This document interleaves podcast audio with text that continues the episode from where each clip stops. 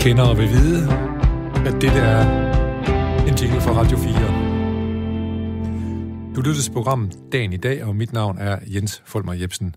Måske hedder du Palle, og måske er du alene i verden, og måske lytter du derfor til det her program. Uagtet hvad du hedder, hvor du bor, så skal du vide, at du er velkommen i radioen her hos os. Velkommen til Dagen i dag, som, øh, hvor dagens gæst jo er den, som bestemmer indholdet af programmet. Dagens gæst vælger de 10 mest tankevækkende øh, nyheder fra det seneste døgns tid.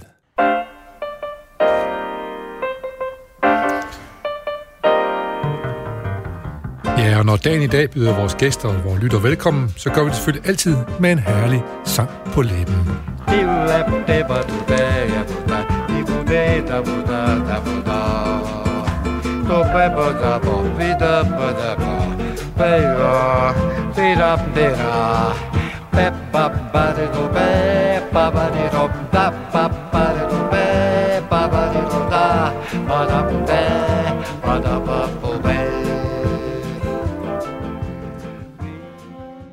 Ja, her på kanten til december, der er vi så kommet godt i gang igen, blev Bossa Nova ind i programmet dagen i dag. Og det er også en lakmusprøve, vi bruger også over for dagens gæst. Vi tjekker altid lige, kommer sangen i hoften, kommer den i smil, eller hvor kommer den? Den kommer i hvert fald i smil hos dig, du hørte den her herlige Bossa Nova, kunne se. Tak, tak, ja. og tak for velkomsten. og øh, dagens gæst, det er dig, det er Anne-Marie Pahus fra Aarhus Universitet. Du er lektor i filosofi, og så er du prodekan på Aarhus Universitet. Sig lige ganske kort, hvad vil sige at være prodekan? Det vil sige at være leder, altså leder for det videnskabelige personale, og man har fakulteter på et universitet, og i spidsen for et fakultet står en dekan, som typisk har nogle prodekaner, og når man så er prodekan, så har man nogle af universitetets kernefunktioner, øh, ansvar for nogle af universitetets kernefunktioner, og mit, mit ansvarsområde er det, der hedder talent, og det er især phd området jeg er leder af humaniores eller arts phd skole og så er jeg leder af forskningen også. Det synes jeg lige, det, du sagde lige ordet talent, det synes jeg er spændende. Hvordan, øh, hvordan arbejder du med det? Er, det? er det? er det folk, der henvender sig til dig, og så kigger du om det er talentfuldt, eller er du også selv ude og ligesom at, hmm, der var noget derovre, der kunne være spændende at få studeret lidt nærmere, eller hvad? Hvordan fungerer det?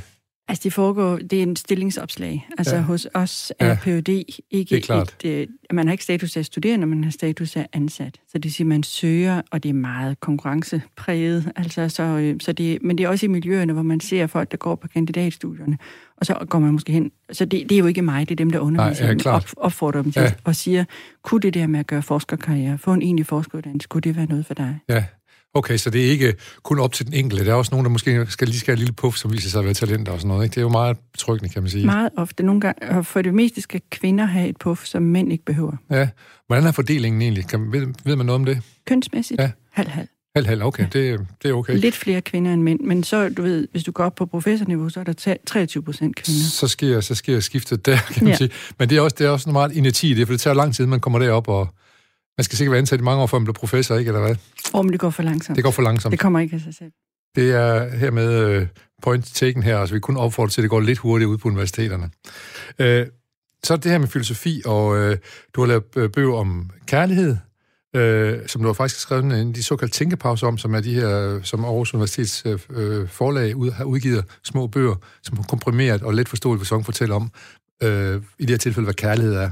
Ja. Fortæl lige kort, kærlighed, hvad er, helt kort, hvad, hvad er det så for en to, hvad er det for nogle, nogle ting, der mødes der og, og strides der og lykkes der måske en gang imellem?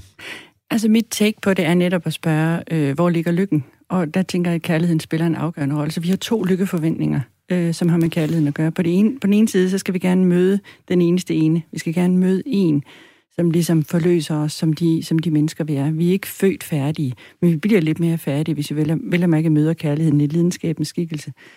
Derudover, så tager jeg også fat på kærlighed som næstekærlighed, som et meget bredere øh, begreb, som altså har at gøre med at danne fællesskaber i ja. almindelighed. Har det, har det også en religiøs dimension? Det har det. Ja. Altså, bogen, øh, nu siger jeg på få sekunder, hvad den ja. ikke store bog, men dog en bog om ja. det store emne handler om, og det er egentlig at få den øh, græske øh, eros-tanke til at mødes med den kristne næste, næstekærlighedstanke. Ja. Så jeg skal egentlig bare have den dybe, rolige acceptkærlighed til at møde den vilde og lidenskabelige øh, romantiske kærlighed. Kan de to overhovedet øh, forenes? Og det skal de sådan set, fordi vi, vi vil gerne have begge dele. Vi vil både forvandles gennem kærligheden, men vi vil også finde os selv gennem kærligheden. Så både finde en ro, men også måske i kraft af den ro også måske kan kan, kan forandres, eller lad det ske noget mere vildt for dem at bruge det til sådan... Og det kommer helt af sig selv. Ja. De store vendepunkter i livet, de har med kærligheden at gøre. Ja, det må jeg have fat i, den bog der. Øh, vi talte lige om, inden vi gik i gang her, om, at der måske også vil ske nogle skrevet omkring det her med kærlighed, og unge øh, mennesker, de øh, måske vælger de ikke kærligheden fra, men de vælger måske i højere grad også venskaber til. Ja, det synes jeg er interessant. Altså, hvor, hvor er, kærligheden i krise, kunne man blive tit spurgt, når jeg holder foredrag ud for den her øh, lille ja. bog. Og, og hvordan står det til? Er vi ikke meget individualistiske i vores øh, levemåde af i dag? Og hvordan er det med de unge? Sapper de ikke rundt? Og der synes jeg, jeg har lagt mærke til, at unge har en stor omhu i deres venskaber. Ja. Og, og, og venskabet, det dybe venskab, rummer faktisk noget, der meget minder om, eller er kærlighed. Ja, så minder om den der næste kærlighed, du talte om også, ikke? Eller hvilken dimension er det også? Jo, det at man ligesom øh, øh, tillidsfuldt åbner sig for den anden, og så at sige, er, er, er klar til at se verden på ny, og også ved hjælp af den andens blik på verden. Ja. Så det at, at turde dele, dele sit liv med andre, det er faktisk det bærende, ja. ikke? Også at man ikke tror, at vi fødes færdige, men man tør give sig livet i, i, i vold, og så at sige, lade noget være op til den anden. Og det synes jeg, de unge er rigtig gode til i deres venskaber. De, de løber ikke bare væk, når det bliver svært. De er der også, er også når, når ja, vennerne ja, har, det, ja. har det svært. Og det har man måske haft en tendens til at, at løbe lidt for hurtigt væk fra nogle øh, kærlighedsforhold og ægteskaber, kan man sige. Det, det, det er til synligheden i hvert fald nemmere for de unge at blive i, i venskaberne. Ja, ja. Øh, og så er der noget, som interesserer mig rigtig meget, du har forsket i, og sådan helt det, det var, det var Hannah Arendt, som, øh, som jo forskede især omkring, øh, øh, øh, lige efter krigen og sådan noget, og lavede nogle sådan væsentlige ting der. Kan du lige fortælle om, hvad Hannah Arendt hun står for, og hvorfor hun er relevant i dag også måske? Ja, altså hun, øh, hun er født i 1906, øh, så, og hun, øh, hun er en, en af de sådan klassiske tyske eksistensfilosofer, men oplever så, som hun er født som jøde, eller hun er jøde hele, ja. hele livet igennem. Så hun smuttede også fra Tyskland, eller skyndte sig at komme ud i 33, hun, ikke? Ja. Hun blev taget til fange, men, øh, men, men, men øh, sat fri igen af det, af det tyske politi der i Berlin i, i 33, flygtet til Paris, derfra videre til USA, hvor hun så får sit sit øh, virke og bliver politisk tænker, men hun bliver altså politisk tænker, fordi hun ser det her politiske sammenbrud under 2. verdenskrig. Og så formulerer hun blandt andet en idé om, at det onde rummer en banalitet. Så det ondes banalitet, plus hun siger, hvad slags styre så vi under nazismen, og for den sags skyld også stalinisme, og det kalder hun så det totalitære samfundssystem. Så hun har ligesom banet vejen for en ny måde at tænke om, det, om den, den, den, den måde, vi bygger politiske og demokratiske samfund op på, og på den måde, vi også sikrer, at enhver besidder individuel dømmekraft og kritisk tænkeevne, selv når samfund er at lave. Altså når vi, når vi oplever kriser, og hvor, hvor så at sige, de almindelige normer til synligheden ikke, ikke rækker. Ja, så øh, vi har modsætning mellem totalitarisme og så demokrati, kan man sige. Er det, Absolut, ja, ja. ja. Det kommer vi nok ind på nogle gange øh, nedad igennem nogle af de øh, nyheder, du har valgt også. Men, men det der med, med ondskabens banalitet, skal lige have et par ord med. Er det noget, var det det, hun, hun lavede en stor bog om Eichmann, som Eichmann, som jo var nazist og blev fanget, jeg tror det var i Argentina et eller andet sted. Nemlig i 61. Og så blev han fragtet tilbage til øh, Israel, Israel, og så blev ja. han sat for en domstol dernede, ja. som han Arndt, hun fulgte den retssag. Ja, det gjorde hun. Og der kom hun så frem til, at ondskaben var banal. Eller var en del af den, var det i hvert fald, eller hvad? Altså hun vil sige, at ofte øh, og under Nürnberg-processen, som, som var tidligere, hvor man dømte nogle af de ansvarlige for jødeudrydelser. Ja, og, og det har faktisk lige været årsdagen for det her sidste uge, tror jeg. Nemlig. Ja. Altså, der ser man ligesom nogen, som virkelig overlagt og vidste, vidste hvad, de, hvad de gjorde. Hos Eichmann, der så man en person, som gjorde sig selv til en slags øh, logistikchef for at transportere jøder til udryddelseslejrene. Ja. Øh, og der, der var der altså hos ham han var ikke ude af stand til at forstå, hvad der skete med jøderne i udryddelseslejrene, men han holdt det ude i strakt arm. Han begik en særlig form for, hvad psykologerne vil kalde selvbedrag, men altså, hvor han holdt ude for sig selv den konkrete viden om, hvad der skete med ham. Det vil sige, at han laver en slags tilkæmpet sindsmæssig overfladiskhed, som man kunne kalde en slags banalitet. Ja. Og, og, det, altså, og det er skræmmende, ikke også? Ja. At man ligesom ikke har et dybfølt had til jøderne, men man ud af den her så at sige, overfladiskhed kan komme til at være skyld i 100.000 af menneskers død, og faktisk ikke føle moralsk skyld. Og, og det er sådan en skræmmende side af ondskab, men det betyder, at normale mennesker kan komme til Øh, altså, det er, ikke, det er ikke sadister alene, der begår ondskab. Normale mennesker kan, hvis øh, alle normer brydes ned, så ligesom ikke stopper op ja. og tænke efter, kan jeg virkelig gøre det her? Så hos Eichmann, der, der overtog revisoren simpelthen øh, det moralske kompas? Ej, nu, revisor, det kan jeg ikke lide. Altså, Nej, det ved jeg godt, men, men, men altså, det, han skulle passe sit at logistikting og sådan noget der. Ja, og du ved... Og det er jo en måde at, så, at så fjerne han går smart op i det, at det fjerner blikket for noget andet. Byråkratiet holder ham, ja. hjælper ham til at holde god afstand for, for den død og ødelæggelse, han forårsager. Ja. Men det er faktisk også nogle vendinger.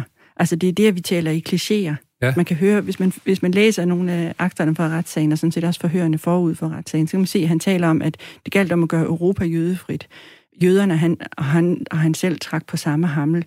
Det galt om at bevilge adresseforandring til Øst. Du kan høre, hvordan verden og virkeligheden kan blive væk. Og det er så besynderligt, for en filosof som mig er det besynderligt, at vi både med sproget kan åbne verden og, og komme i kontakt med verden, forstå verden, få en fantasi til at sætte os ind i, hvad foregår der, selvom vi ikke kan se og høre det. Men med sproget kan vi, med, med selvsamme sprog kan vi lukke verden ude. Ja, og det var det, var det Eichmann, han var god til, så der, som du siger. Ja. ja. ja. ja. Han fik dog sin dom i uh, Israel og blev også henrettet efterfølgende, da han fik, efter han havde fået sin dom. Ikke? Og der, ja. øh, i den bog, Eichmann i Jerusalem, en rapport om det onde banalitet, som, som Arndt så udgav ja. her i 64-65, der, der har hun et efterskrift, hvor hun direkte taler til Eichmann, og hun der så at sige, hun støtter, at han skulle hænges ja. og, og dømmes til døden. Var de nogensinde i uh, fysisk uh, talekontakt med hinanden, de to? Øh, Nej, hun er i retssalen. Sagen, altså, du kan, du kan hun følger retssagen, ja. ja, ja du, kan, du kan gå ind i YouTube, på YouTube og se uh, billeder fra retssagen. Han sidder inde i sådan et glasbur, uh, okay. Eichmann. Ja. ja.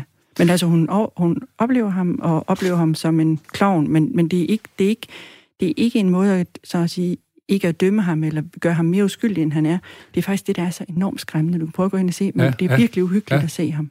Men ja, vi kan kun opfordre til, at man måske ønsker sig en, nogle Hannah Arendt-bøger i julegave, for eksempel, og fordybe sig lidt det, mens man har tid til det, fordi det er jo noget, som formodentlig også har en relevans i dag, som vi lige talte om. Det synes jeg. Ja. Øhm, jeg har selv skrevet en introduktion, hvor, ja. hvor, hvor jeg gennemgår hendes, hendes liv og værk. Ja. Altså, jeg betragter jo øh, hendes filosofiske hovedværk som et andet, nemlig det menneskelige vilkår. Netop, og det er jo, ja, det er jo, det er, det er en stor mundfuld, kan man sige det menneskelige vilkår, det er, det er frisk at gå i gang med, det er ikke sådan? Ja, men så skal man tage den store bog, og så straks springe til kapitel 5, hvor hun siger, hvad tilgivelsens politiske betydning er. Sådan, det gør vi. Og så skal jeg lige sige, at uh, her i sidste uge havde vi uh, besøg af drabsefterforsker, tidligere drabsefterforsker, Ben Især Nielsen, hvor vi blandt andet også talte omkring, om, om vi potentielt alle sammen kunne være mordere. Nemlig. Det, uh, det, det sagde kunne vi godt, hvis vi blev presset til det. Ja, det, så, det skal man forstå. Det skal man nemlig forstå, ja. ja. Godt. Vi skal til i gang med de nyheder. Vi kunne også blive ved med at tale længere om det her, men jeg håber, det dukker op lidt mellem linjerne og på linjerne her øh, efterfølgende, vi kommer til at tale om. Men nu skal vi i gang med de 10 nyheder, du har valgt, Anna-Marie Perhus, og øh, vi skal lige i gang med det her lille nyhedstingle.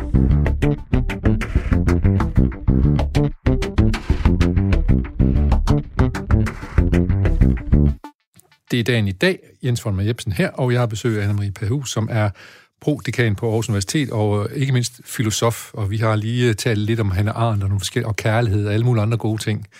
Øh, og øh, nu skal vi snakke om noget helt andet. Det, her, det handler måske også lidt om kærlighed, jeg ved ikke hvad. Det, på en plads, der har du en overskrift, der coronaepidemien aflyser julen for ensomme.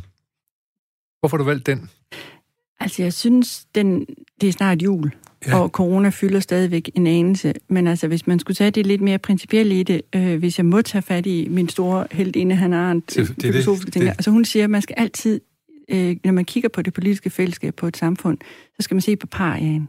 Altså, man skal se på de udsatte. Hvem er det, der ikke får stemmer? Hvem er det, hvad skal man sige, problemerne i samfundet særligt rammer? Og det tænker jeg bare, det er så tydeligt, at coronakrisen er ved at, altså nu er vi ved at se nogle af, nogle af de eksempler på, hvem det virkelig rammer hårdest. Ja, og det er, det er så blandt andet ensomme. Ja, det er klart. Ja. Altså dem, der ikke har en familie at holde jul med, altså synes jeg, det, der er det til at overskue, at vi andre må dele familien op, når vi skal holde julefrokost, ja, ja. og vi skal have lidt færre ja. omkring bordet, ikke også? Jo, og os, som kommer fra, uh, har sørget for, at vores børn er, har skilsmisseforældre, så bliver det jo et stort kaos med at finde ud af, hvordan vi skal samles omkring ja, ja, det. det jamen, det, for, ja. det har da sine egne vanskeligheder, ja. men, men vi skal Nej, bare huske, det, det... at, uh, at corona ligesom har betydet, at man skulle trække sig tilbage i et hjem, og så, så så, så er det svært at tænke på, at nogen ikke har andre end sig selv, sig selv ja. inden for de mure. Ikke også? Og hvis man så ja. ikke engang kan, kan, kan gå hen og få hjælp hos, hos Røde Kors eller andre dele af det, som kommunerne... Ja, ja. ja. Og vi har også haft Kirkens Kors herinde og sådan noget, som vi også opfordrer folk til at melde sig som frivillige hos dem til at komme ud og hjælpe nogle af de her, som sidder ensomme i julen. Ja. At sørge for, både de får mad og måske også lidt selskab og sådan noget, hvis ikke de får med corona. Så det, det er jo det er en god ting at, at, at gøre opmærksom på. Øh, Men du ved, ellers mener jeg egentlig, at næstekærligheden har, du, har haft det fint under coronakrisen. Ja. Altså faktisk rigtig mange udslag af, at vi er villige til at medtænke, og det synes jeg, den her nyhed også viser. Vi ja. kærer os om, der er nogle liv, der bevæger os, og vi vil gerne prøve at tænke på, hvad vi så kan gøre, for at det bliver lidt, lidt nemmere at komme igennem julen. Ja, Og øh, tænker du det som en del af... Tænker du det som noget, noget kristen, særligt kristen eller religiøst eller noget, eller tænker du bare på det som, som grundlæg, grundlæggende menneskeligt? Det, det gør man faktisk i krisesituationer. Det mener jeg ikke er forbeholdt den, den kristne, kristne kulturarv. Nej, nej, at, at, nej, det er bare fordi, når vi bruger ja. næste kærlighed, så, øh, så min reptilhjerne, så, dun, så tænker den bare lige kristendom og sådan noget. Sådan er det jo ikke nødvendigvis. Nej, det nej, tænker jeg Jeg nej. tænker, det er en antropologisk konstant. Men har vi overhovedet fået frem, hvad nyheden handler om? Fik vi forklaret nej, det? Nej, det er, de, julen kan blive ekstra tung for dem, der plejer at fejre den ved et julearrangement, hvor man kan møde nye mennesker. For mange af de organisationer, kommuner og spisesteder, som plejer at holde jul for ensomme, de er blevet aflyst på grund af coronarestriktionerne. Og, det må, og så er nyheden så måske, at øh, øh, man er nødt til at droppe flere julefester, øh, siger Røde Kors, øh, for udsætte fester for udsatte borgere. Og det får en til at frygte, at ekstra mange kommer til at sidde alene juleaften. Jeg tror, vi kan regne med, at der kommer til at være flere alene i år. Man har ikke mulighed for at deltage i julearrangementerne, hvor man normalt kan være sammen med andre omkring en festlig højtid. Så ja, jeg tror, det bliver større ensomhed hen over julen, siger Lise Lind til DR. Og jeg tror alt i alt, vi skal til at tænke over de, konsekvenserne for befolkningens mentale sundhed af det, der, der er sket de sidste tre kvart år. Ja. Det, det er det her, altså at... Øhm, ja, der skal vi på en eller anden måde have, have gjort mere synligt, hvad, det her, hvad, hvad slags pris, der er betalt rundt omkring. I under, corona, ja. under ja. coronakrisen her, ja. ja. Øh, men du er også inde på en positiv vinkel af det, at det rent faktisk jo opstår en form for næste kærlighed til dig, Så på trods af, at der sidder en masse mennesker, som ikke har den her berømte megafon, man så tit taler om, så er der alligevel nogen, som øh, har øje for dem. Jeg synes det. Altså, jeg synes efterhånden, som vi henover øh, siden marts ligesom har, har taget forskellige normer til os. Altså, da vi her i Aarhus for eksempel begyndte at tage ansigtsmasker eller mundbind på i, det offentlige, i den offentlige trafik, ja. det var jo for, at dem, der ellers ikke ville have mobilitet, kunne få det. Ja. Altså nogle af de ældre og udsatte yes. kunne tage bussen, yes. ikke? uden at blive smittet. Ja.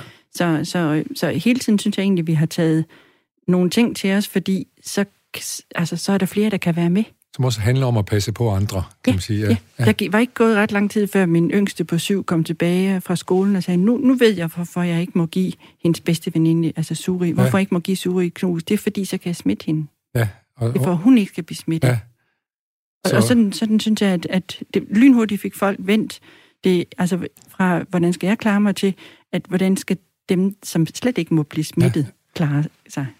Hører du også til dem, der tænker, at uh, coronaen får langrækkende indflydelse på vores liv? For, altså... Ja, det er ja. jeg sikker på. Det er jeg sikker på. Og, og, og, men vi ved ikke, i hvilken retning det går. Altså, det eneste, man kan sige, vi, vi står i en, en krise, er der tale om. Ja. Og der er, der er et før og et, og et efter. Ikke? Ja, ja. Øh, og jeg tænker mig, at der er ligesom, det vi også har set, det er, at man kan meget hurtigt sadle om. Man kan lave mange ting om i samfundet på, på ret kort tid.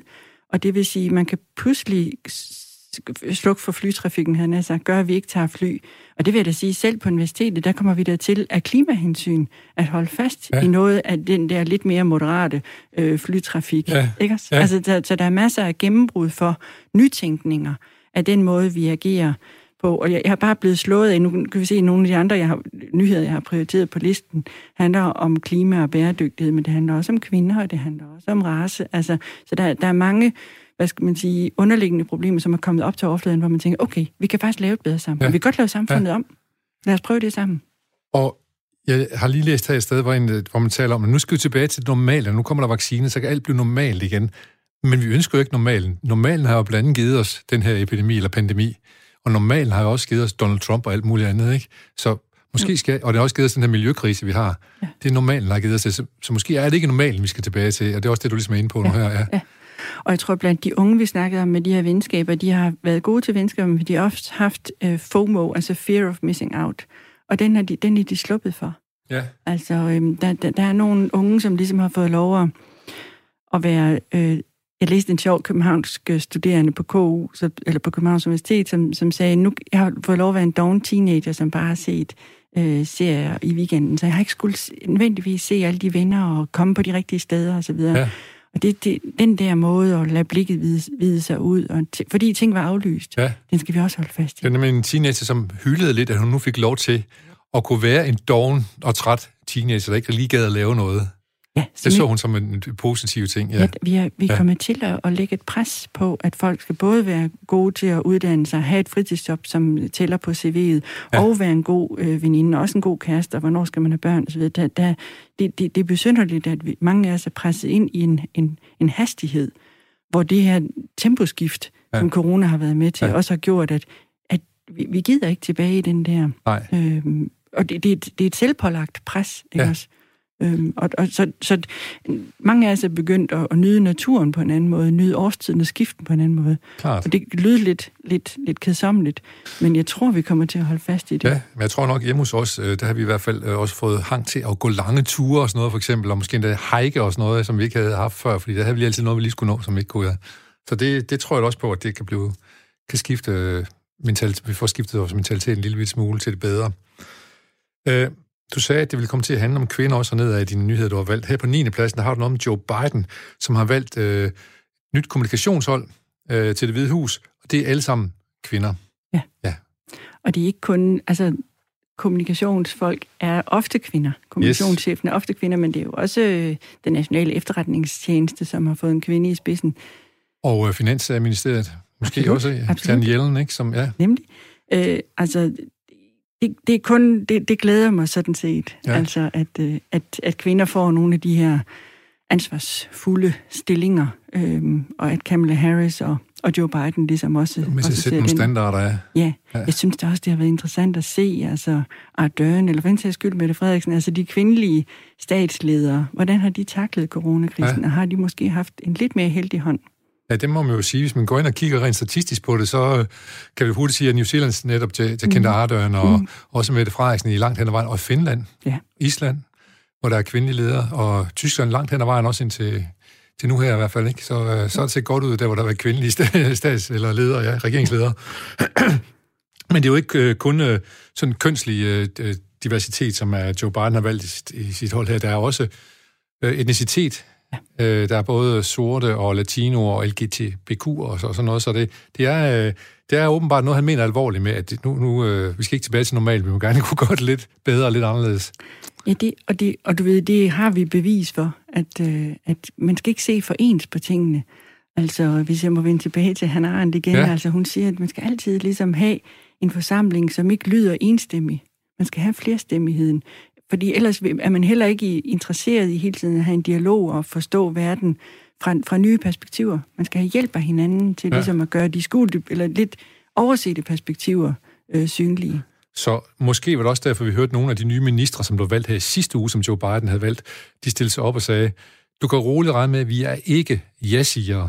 Mm. Det er det, som Donald Trump måske er lidt lidt, at han har for mange ja omkring sig. Og dem, der ikke var ja de blev så bare fyret, kan man sige. Men, men det, de gør nu, det er, at de siger, at vi, vil, vi er ikke ja Og det er det, du så siger her, det er den diversitet, som også kommer i, i hvor holdninger kan brydes. Ja. Hvor man bliver klogere af. Jo, og det, altså man skal jo ikke lede på grund af frygt. Vel, altså hvis man er bange for at få en fyreseddel i morgen, Netop. det, det, det giver dårlig lederskab, Ja. ja. uanset om man er mand eller kvinde. Ja, og det, Så- ved, det ved du noget om. Du er jo leder øh, på universitetet med Ja. ja, ansvar for ansatte deroppe. Ja, hvis du ved, at det er så tydeligt også, synes jeg, at, at når man har brug for at sætte folk i en situation, hvor de frygter for en fyring, så er det fordi, man selv er afmægtig. Ja. Man ikke, man, man ikke har tillid til at ikke tør lade noget være op til mellemlederne. Ja. Ikke også? Ja, men man kan sige, det er jo, det jo, har været Trumps store ting, også når han kørte valgkamp, det er jo at skabe frygt og, øh, og usikkerhed. Ikke? Det er jo ligesom de ting, han har trykt på, de knapper, han har trykket på. Jo, han er selv redselslagen. Det synes jeg er tydeligt. Han selv er hvad? Han er selv redselslagen. Ja, ja. Ja, jeg vil sige på den måde, at hvis øh, nogensinde har haft lyst til at være en sko, så har jeg det i hvert fald slet ikke lige nu. Nej, Nej, nej, eller hans nærhed for den sags skyld. nej. Øhm, men hvad, han Arne, hvad vil hun sige til, hvordan er han sådan en type der, tænker du? Vil, vil hun kunne synes, det var interessant at studere ham det sidste måned, han havde, eller, eller anden måned? Hun har masser af lejlighed til også i sit liv at studere folk, som manipulerer. Ja. Altså som, som bruger magt til en form for magtbrønde, hvor de altså slår på, øh, på styrke i stedet for legitim Ja, magt. ja. Så illegitim magt, det har hun. Det har Hvis hun. man vil studere eksempler på illegitim magtudøvelse, så finder vi også hos hende nogle gode øh, det må man sige. tanker omkring Det det, man om eksempler. Ja. Øh, og så også selvfølgelig, du starter om før, totalitære stater og demokrati, og Trump måske som om nogen i en, et større demokrati har, angrebet de demokratiske institutioner. Nemlig. Men prøv at lægge mærke til også, nu er den ikke på listen, jeg kunne ikke putte den, eller, men det, måske skulle man liste en ekstra nyhed ja. Lukashenko. Ja. Det er jo også kvinder. Rusland, det er kvinder, ja. der demonstrerer i gaderne. Ja. ja. Altså, og det er egentlig han hans point, at hvis der er et undertrykkende regime, og så, så, så før eller siden et voldeligt regime, så falder det. Det falder, og hvad, hvad kommer der i stedet? Magten. Ja. Magten ligger der på fortovet, klar til at blive samlet op. Ja. Der kommer en fredelig opstand, og der er intet undertrykkende regime, der kan, der kan, der kan forblive. Nej. Det vil altid blive overvundet af den, og, og det kommer også til at ske med efter 26 år med Lukashenko, ikke også, og, og et hvide russisk... Øh... Så kommer der en ende for det også, ja. ja. Og man kan sige, dem, der går forrest, det er i højst grad kvinder. Det var også tre kvinder, der stillede op mod ham i valget, hvor den ene blev fængslet ret kort tid efter, at de påstod, at det var det. valget var lidt manipuleret, i hvert fald i Hvide Rusland. Det var det. Ja. Men, men du ved, det er heller ikke køn, det er ikke kun køn, der afgør det. Det er også nogle hvad skal man sige, kvindelige dyder, som jeg ser hos rigtig mange mænd i min omgangskreds. Ja, det skal jo lige have, vi skal lige have på overskrifter på de dyder. Øh, altså lydhørhed, Ja. ikke også? Og så ligesom øhm, en vis form for håb for, at, at, at, øh, at, det, at, det, hvad skal man sige, at det betyder noget at blive sammen. Så det er simpelthen at være et godt menneske, Ja. at være god, og være uennyttig, og hvad skal man sige, selvforglemt Ja. optaget af, hvordan andre mennesker har det. Ja. Det ser jeg altså hos, hos rigtig mange mænd. Ja, og så, og så også øh, kvinder. Jeg kan lige sige her... Lige... Altså det er bare for at sige, at de mest empatiske mennesker, jeg kender, det er faktisk nogle af, af, af, af, af mandlig køn. Ja, point taken. Øh, og godt at få det ind i debatten også, kan man sige. Jeg, lige i øjeblikket er, arbejder en lille smule med Argentina, og der var jo også, øh, når man ser, øh, der var militærstyre dernede, og der, de var jo ganske forfærdelige måde, de, øh, de behandlede studenter på og venstreorienterede på. Og det var jo sådan set møderne og mormøderne, som gik på gaden med store plakater. De, de kaldte dem madra, altså øh, møderne, som gik og demonstrerede for at få deres børn hjem igen, eller i hvert fald for at vidste om, hvad der skete med deres børn. Og de gik år ud og år ind dernede, indtil de endelig fik svar til allersidst. Nemlig. Så Men læg mærke til også, hvilken rolle forældrekærligheden spiller i vores samfund. Vi, vi, vi betragter det som uhyre vigtigt, med ja. hvordan det går med forældrekærligheden. Ja. Øh, Og det gør fædrene også. Det gør fædrene også nu, ja. Det må man jo sige. Ja. Øhm, nyhed nummer 8. Google åbner dyrt CO2-neutralt datacenter ved Fredericia. Øh, og det er sådan noget med, at de øh, sørger for, at det bliver grønt, og der er forskellige centre, hvor man kan få solenergi i, som er med til at øh, sørge for, at det bliver CO2-neutralt. Det her store Google-center nede i Fredericia. Jeg tror, der er investeret 4,2 milliarder i det, eller sådan en stil. Øh, og centrene de ligger i blandt andet i Østjylland og på Næstved og forskellige andre steder. Ja. Hvorfor har du taget den her med? Ja, altså på en måde synes jeg, det er vildt, at vi er blevet et samfund, hvor det store elforbrug er vores øh, data, altså vores udveksling af data. Ikke? Så, så det, det, det siger lidt om, hvor vi klimamæssigt går hen. At det er måske ikke flytrafikken, men faktisk vores, om vi har, om vi har billedet på vores videomøder eller ej. Altså vi skal lige tænke over, hvad vi egentlig øh, sender ud frem og tilbage af data. Så dels, hvor ligger den store belastning? Der skal fem solcelleparker til at drive det her Google Ja, ja. øh, datacenter. Men så er det selvfølgelig det, at, at det ligesom har den der indbyggede CO2-neutralitet. Så det, jeg, jeg betragter det som en god klimanyhed i coronakrisen sker. Men også lige en lille reminder om, at øh, bare fordi vi holder op med at flyve, så er alting ikke lykkeligt. Nej. Der er måske, der er måske nogle banditter i, i, i, i form af, hvor alle vores computer står tændt hele tiden osv. Ja, der er jo ikke nogen vej udenom, fordi det er, jo, det er jo måden, vi slipper for at have transporttid og lægge os ud på motorvejen, at vi så til gengæld har de her møder på, Ja, på platformene. Men det er ikke så enkelt, vel? nej, der er ikke noget, der er gratis. Nej. Nej. Nej. Men øh, vi, vi følger spændt øh, øh, det nye CO2-neutrale datacenter på Fredericia, som, som Google har åbent.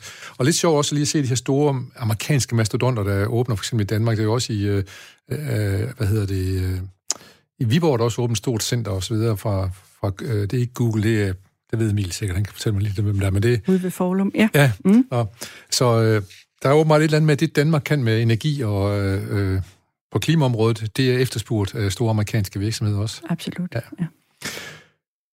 Nyhed nummer syv. Flere patienter i psykiatrien får hjælp af tidligere patienter. Det er sådan, noget, handler om, at dem, der har været syge, hjælper dem, der er syge nu. Mm. Og man er afsat 50 millioner kroner. Øh, Ah, 10,9 millioner til 10 millioner, undskyld, ja, til 50 mennesker. Mentorer, ja. ja. ja. Øh, Øh, det kunne have været omvendt. 50 millioner til 10 mentorer, men, men sådan var det ikke. Men der er bevilget 10,9 millioner til øh, antal 50 recovery-mentorer, som det hedder på nudansk. Hvad, det, det er jo en eller anden form for næste kærlighed, eller hvad tænker du?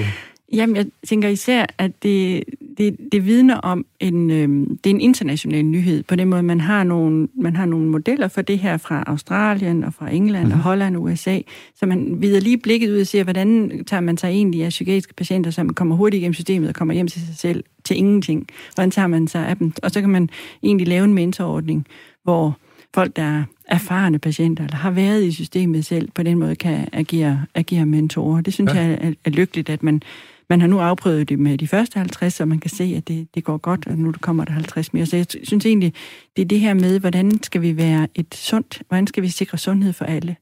Og specielt i forhold til psykiatrien, der, der er det virkelig et spørgsmål om, hvordan man, hvis man skal leve med en kronisk sygdom, og tit er en psykiatrisk diagnose jo en, en, en kronisk sygdom, hvordan skal man leve med det, og have et nogenlunde, og et, altså et godt liv.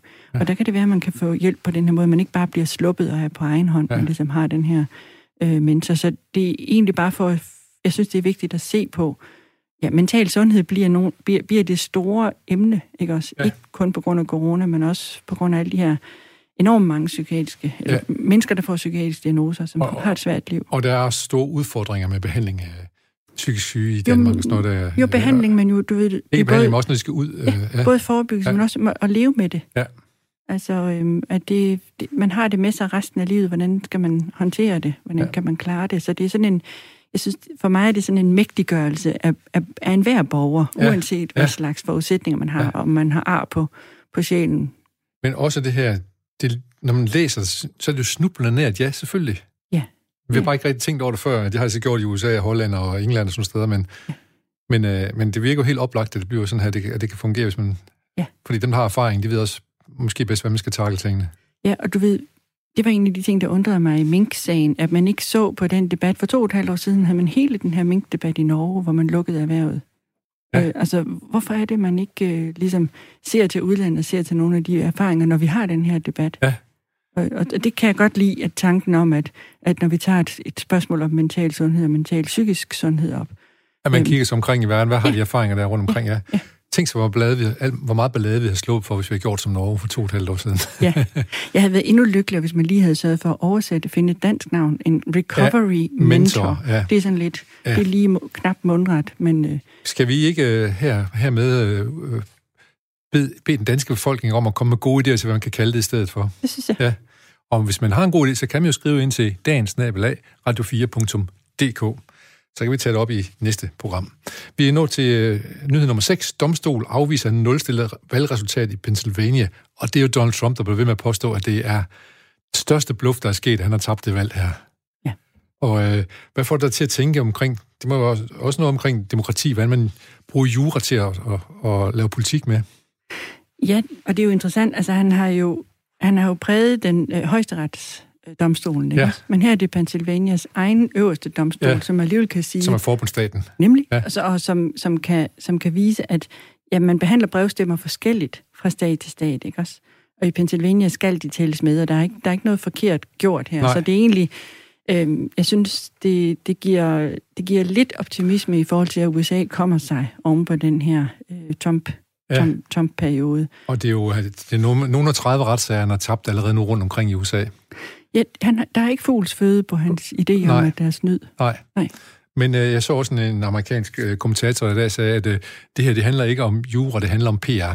Ja, han er, ved at, han er ved at på en eller anden måde komme ud af det og sige, at når valgmændene lige om lidt peger på øh, en så, demokratisk... Så tager de fejl, men jeg bliver nødt til at stoppe, fordi de peger på ham. Ja, ja. jeg har gjort, hvad jeg kunne, ikke? Og ja. så, ja, sådan. Og så også, øh, at han måske også rent faktisk viser sig, at der er en del penge i det for ham.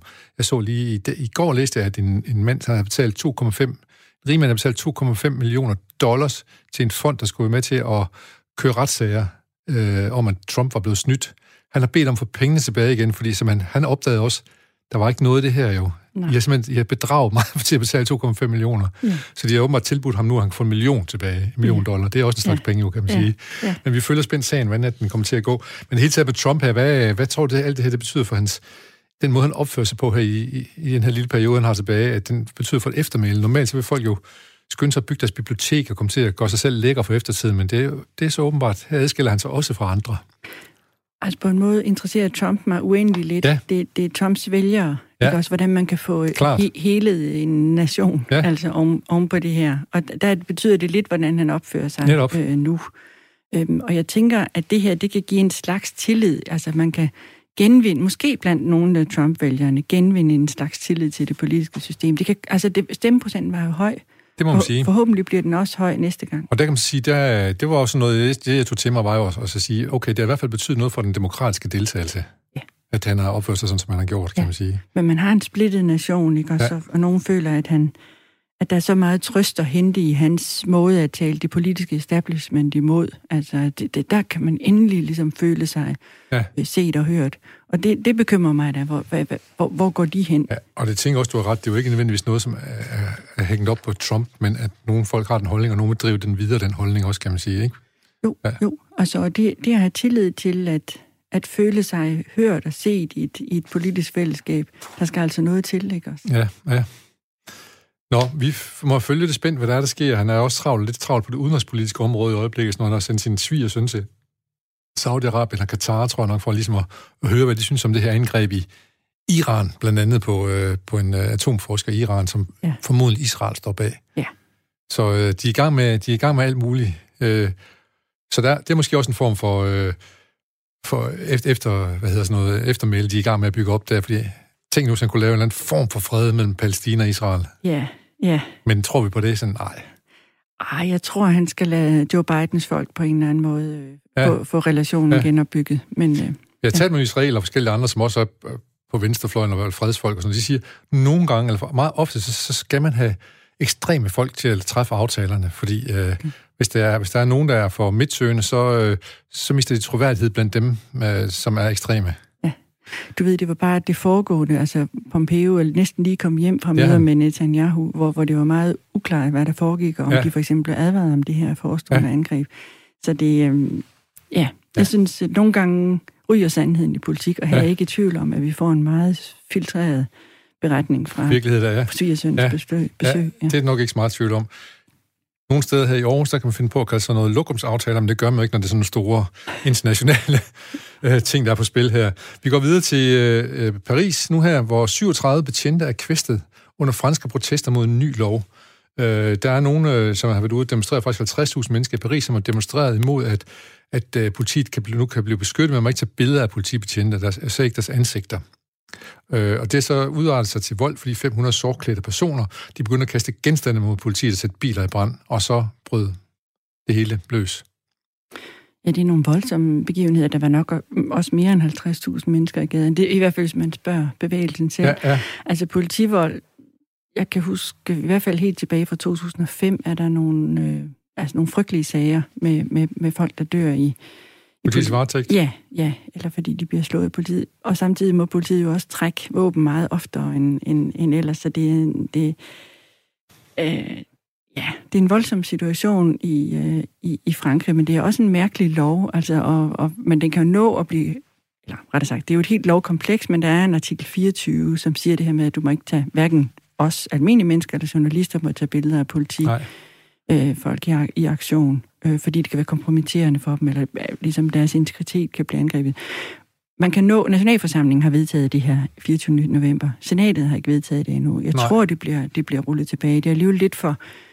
Altså, og timingen er også dårlig, for der har lige været en sag. Men netop, hvis med tre... den her demonstration har formodentlig også råd i, at der har været en sag, hvor, ja. hvor nogle politibetjente er blevet filmet, mens de har gennembanket en, en, ja. øh, borgere. Ja, og de er straks blevet sat fra bestilling eller blevet fyret, ikke? Og så nu er de, bliver de også stillet for en dommer og bliver nok også dømt for det her ja, overgreb. Øh, Macron, ja. Øh, franske præsident, har også været ude og for, hvad hedder det, fordømme det politiangreb ja. på, Højre på civile. venstre, ja. høj som lav, har, har fordømt den måde, de tre politifolk har, har opført sig ja. på. Nej, det er mere det, at øhm, jeg har boet i Frankrig et, et, et, samlet et par år af, af mit liv, og øhm, det, det er et stort samfund, som gerne må hænge bedre sammen. Også, også det bedre end, end de her demonstrationer med de gule veste øh, viste. Og noget af det her, det, det peger i en retning, hvor vi kommer til at se den ene demonstration efter den anden. Ja, det, og det er de jo gode til i Frankrig, kan man sige. Ja, og strækker og demonstrationer og sådan noget. Det, det er de virkelig. Ja. Øhm, måske er det ikke uden grund, at den franske revolution startede i Frankrig. Mm.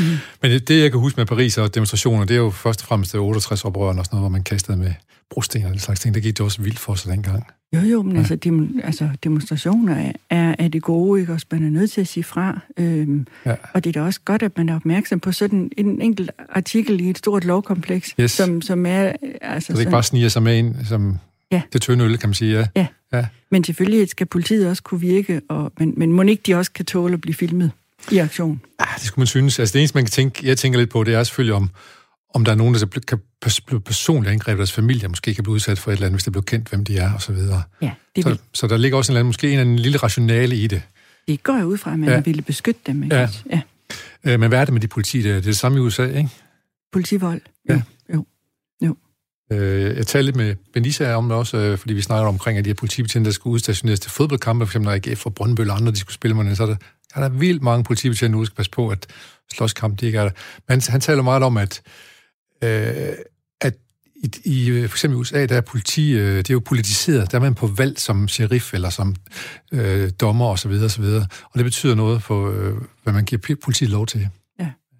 Altså jeg tænker, at nu talte vi sådan om det ondes banalitet, altså det, man skal passe på, det er ligesom, at man, bliver lukket inde med nogle synspunkter, hvor alle synes det samme. Ja. Så hvis man kommer til at lave nogle lommer, hvor man siger, ah, det er da også, altså ja. som ligesom, hvor man kan udtale sig racistisk om, om de borgere, som ja. man har aktioner mod, ikke? Øhm, hvis, hvis det ligesom bliver kommet bare at sige, øh, og, og udtale sig racistisk, ja. så rykker de det ind, de her tre politifolk, samtidig med, at de, de, de slår en, en sort Sorte. musikers ja. sønder sammen. Ikke? Ja. Altså, så man skal ligesom have hul på de der lukkede cirkler, hvor ting bliver bliver, bliver norm, men det er jo slet ikke dur, ikke også? Ja. Hvor man undertrykker øh, nedad. Det er faktisk det, to, det totalitære systems ja. særkende, ja. at, man, at, at man ligesom øh, synes det samme som resten, og så undertrykker man øh, ned efter. Og her må vi så sige, har politiledelsen også i Frankrig et stort ansvar for, hvordan man behandler det her fremadrettet, kan man sige. Ja. Sørg for, at de bobler, de bliver ødelagt. Jeg håber ikke, at, ja. eller jeg tror ikke, det præger dansk politi. Nej, det er vores uh, Bendy Nielsens uh, det glæder mig. mening. Helt. Ja. Ellers øh, må vi have nogle flere filosofer ud og snakke med, snakke med dem. Ja. Udmærket måde, for jeg har brugt på, på den, udover at være med i radioen, som jo også er en stor fornøjelse. Øh, nyhed nummer 4, Anne-Marie Perhus, det er 100 danske kyststrækninger, der skal beskyttes mod oversvømmelse. Og det er formodentlig på vestkysten en hel del af de her ting i hvert fald, hvor vi i hvert fald har set, hvordan at havet det æder sig ind.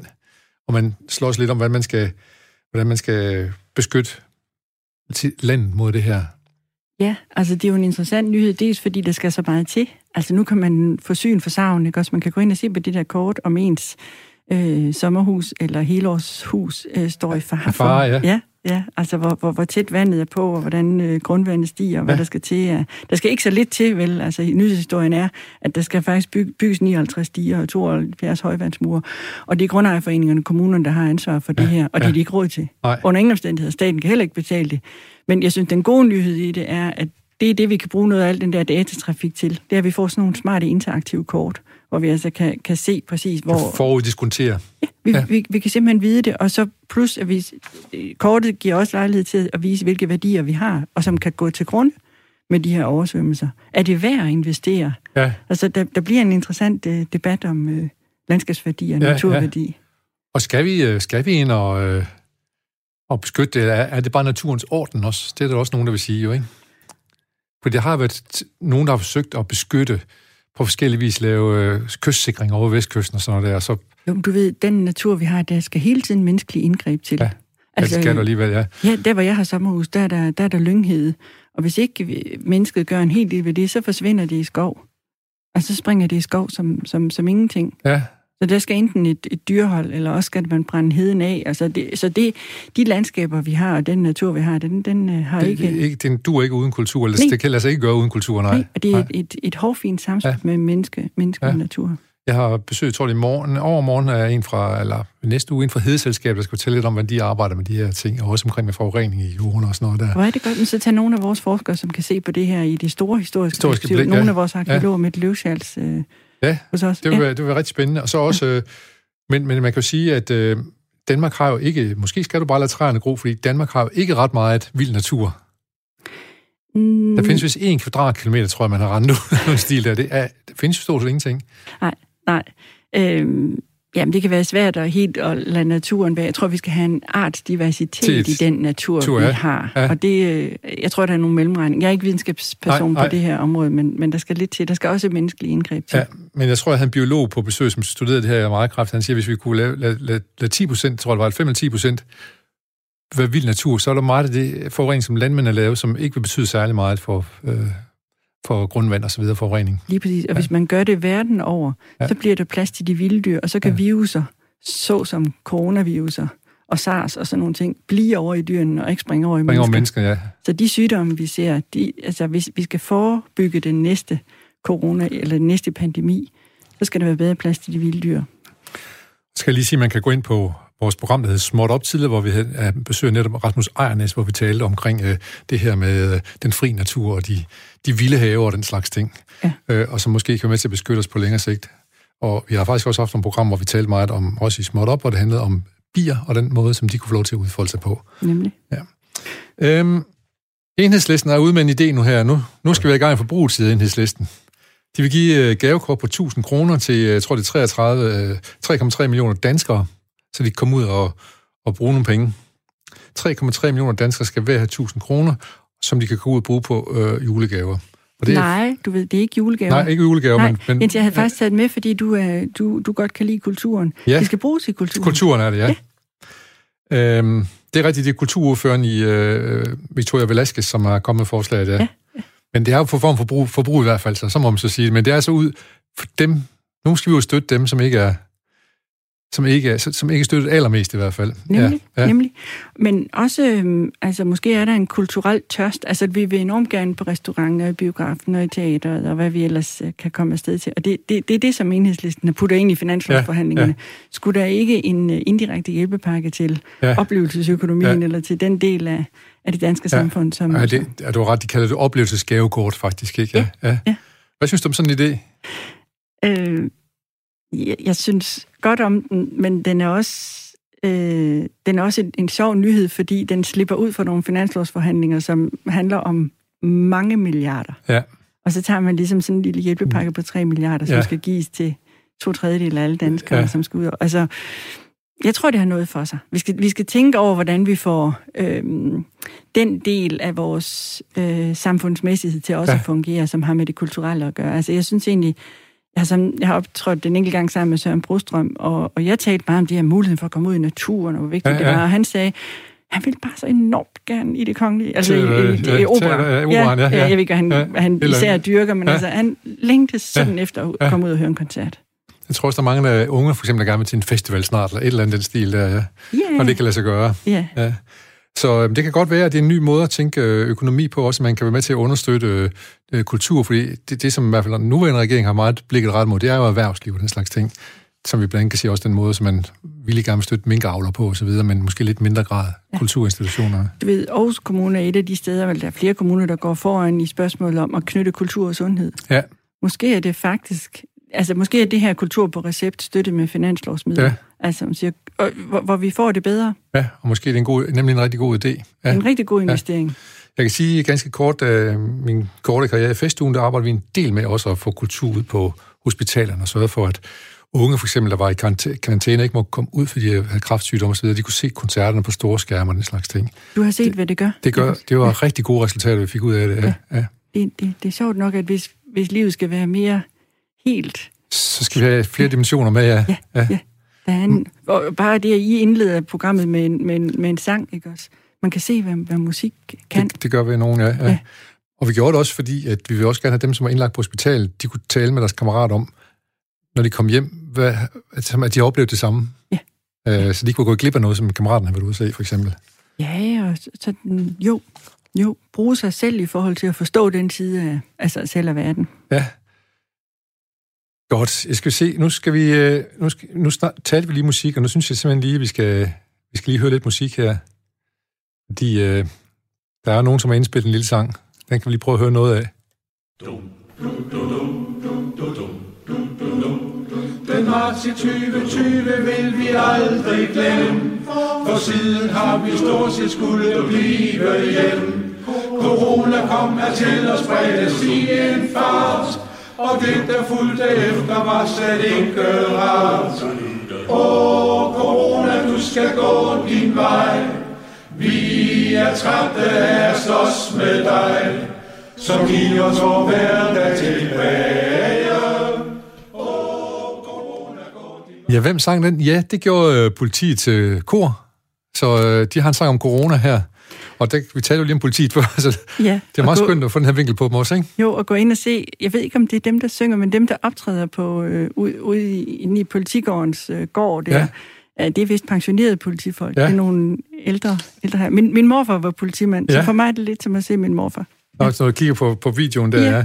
Øh, øh, det, øh, de synger, det er jo Fort Jacks melodi, den der Åh Maria, Ja. jeg vil hjem til dig, og så er det simpelthen nu, fordi politiet støtter, at de er også trætte af corona, ligesom resten af befolkningen er det. Jo, hvis du hører den til enden, så er der masser af oplysning til borgerne om samfundet. Der er præcis, hvad, hvad, hvad, hvad skal man gøre i coronatider? Hvad må man, hvad må man ikke? Ja. Hvad hvis man vil rejse? Hvad hvis der kommer turister ind i Danmark? Hvis du vil tage det kollektiv? Hvis du, Ja. det, det, det, det, jeg synes, det er en sjov Ja, øh, og fin formidling. og vi lægger mærke til det, fordi at det er, er overraskende, at politiet kommer med sådan en sang og, og, og kommunikerer med borgerne på den her måde, ikke? Jo, men læg mærke til, hvor meget musik og sang har betydet i fællessang og så videre. Ja, netop i under coronaen her, ja. Ja. ja. Men, men, øh, men, øh, men kan vide, vi snart ser for eksempel folketingsmedlemmerne eller alle ministerne stå og synge sang, det gør de nok ikke, men nu, Det tror jeg, de skal lade være med. Ja, eller- ja det ved jeg ikke. jeg ved sgu heller ikke. Det er faktisk, altså, jeg, jeg synes, det lyder godt. Du, du, det er dig, der har forstand på musik. Jeg synes, det er, jo- det er jo rigtig kort der synger her, kan man Ja, høre. ikke De, også? de, jo, jo, Ja. jo, jo, jo, jo. Ellers de, havde det ikke været det samme. Ellers er det ikke det samme, nej, det skal, være, det skal være i orden også, når man gør sådan ting. Og det må man sige, det var. Så øh, vi siger, herfra siger vi godt gået til øh, politiet for, for den indsats her i hvert fald. Måske dem nede i Paris skulle tage og mødes i nogle korsammenhæng og synge lidt sammen også i stedet for. Det gør de sikkert også. Gør de sikkert også, ja. ja. Vi er kommet til nummer et på din top 10, og der står de øh, skræmmende ord, ulven kommer. Og det er jo ikke, det er jo ikke eventyrt om, om drengen, der sidder og, og, og keder sig og råber, ulven kommer, men det er en ny dansk, eller en, en dansk tv-serie, som kører søndag aften, øh, som er meget socialt realistisk, og øh, handler om at skride ind i tide. Hvorfor har du valgt den her nyhed som, som en af de væsentligste? Eller ikke væsentligste, men mest tankevækkende? Det sidste afsnit rullede over skærmen i går Ja. aftes, så jeg synes, det skulle øh, markeres. Altså, så, så de sidste... Det, det har også fyldt i medierne i dag. Ja. Øhm, altså, hvad, hvad var den der serie, og hvad kunne den, og var den god? De fleste er enige om, at den er enormt god. Ja. Og, og skuespillet er fremragende. Altså, øhm, Og tematikkerne er nærværende, og Absolut. Ja. Ja. Altså, og det er jo bygget op sådan, at man ikke helt ved, om faren egentlig slår. Øh, man ved, eller jeg ved ikke, hvor høj grad, hvor, hvor voldelig faren er i familien. Men det starter med, at børnene bliver tvangsfjernet. Og så følger man en socialrådgiver, som har øh, kender til nogle barske sager med en far, der faktisk har dræbt sin familie. Så han tør ikke andet end at skride ind. Så det er ligesom, det er så det er tydeligt. dilemmaet, er det for tidligt, eller er det, Er det for tidligt? eller er det på plads at gøre det? rettidigt, Ja. eller øh, altså forhindrer man egentlig øh, familietragedier, ja. hvor, hvor og, og samtidig, man skal ikke afsløre det hele, men altså, det, viser, en, øh, det viser nogle dilemmaer, man står i. Og også, hvor, hvor, hvor svært det kan være, ligesom, hvad er barnets tag? Ja, ja. Så samfundet, de har en- nogle store dilemmaer, og, det, og samfundet det er jo også, så vi skal også tage stilling til det. Så er det på en måde, at det er relevant at se sådan noget til tv-serier, ikke? Jo, jo, og vi, øh, hvad skal man sige, vi skal skride ind over for overgreb.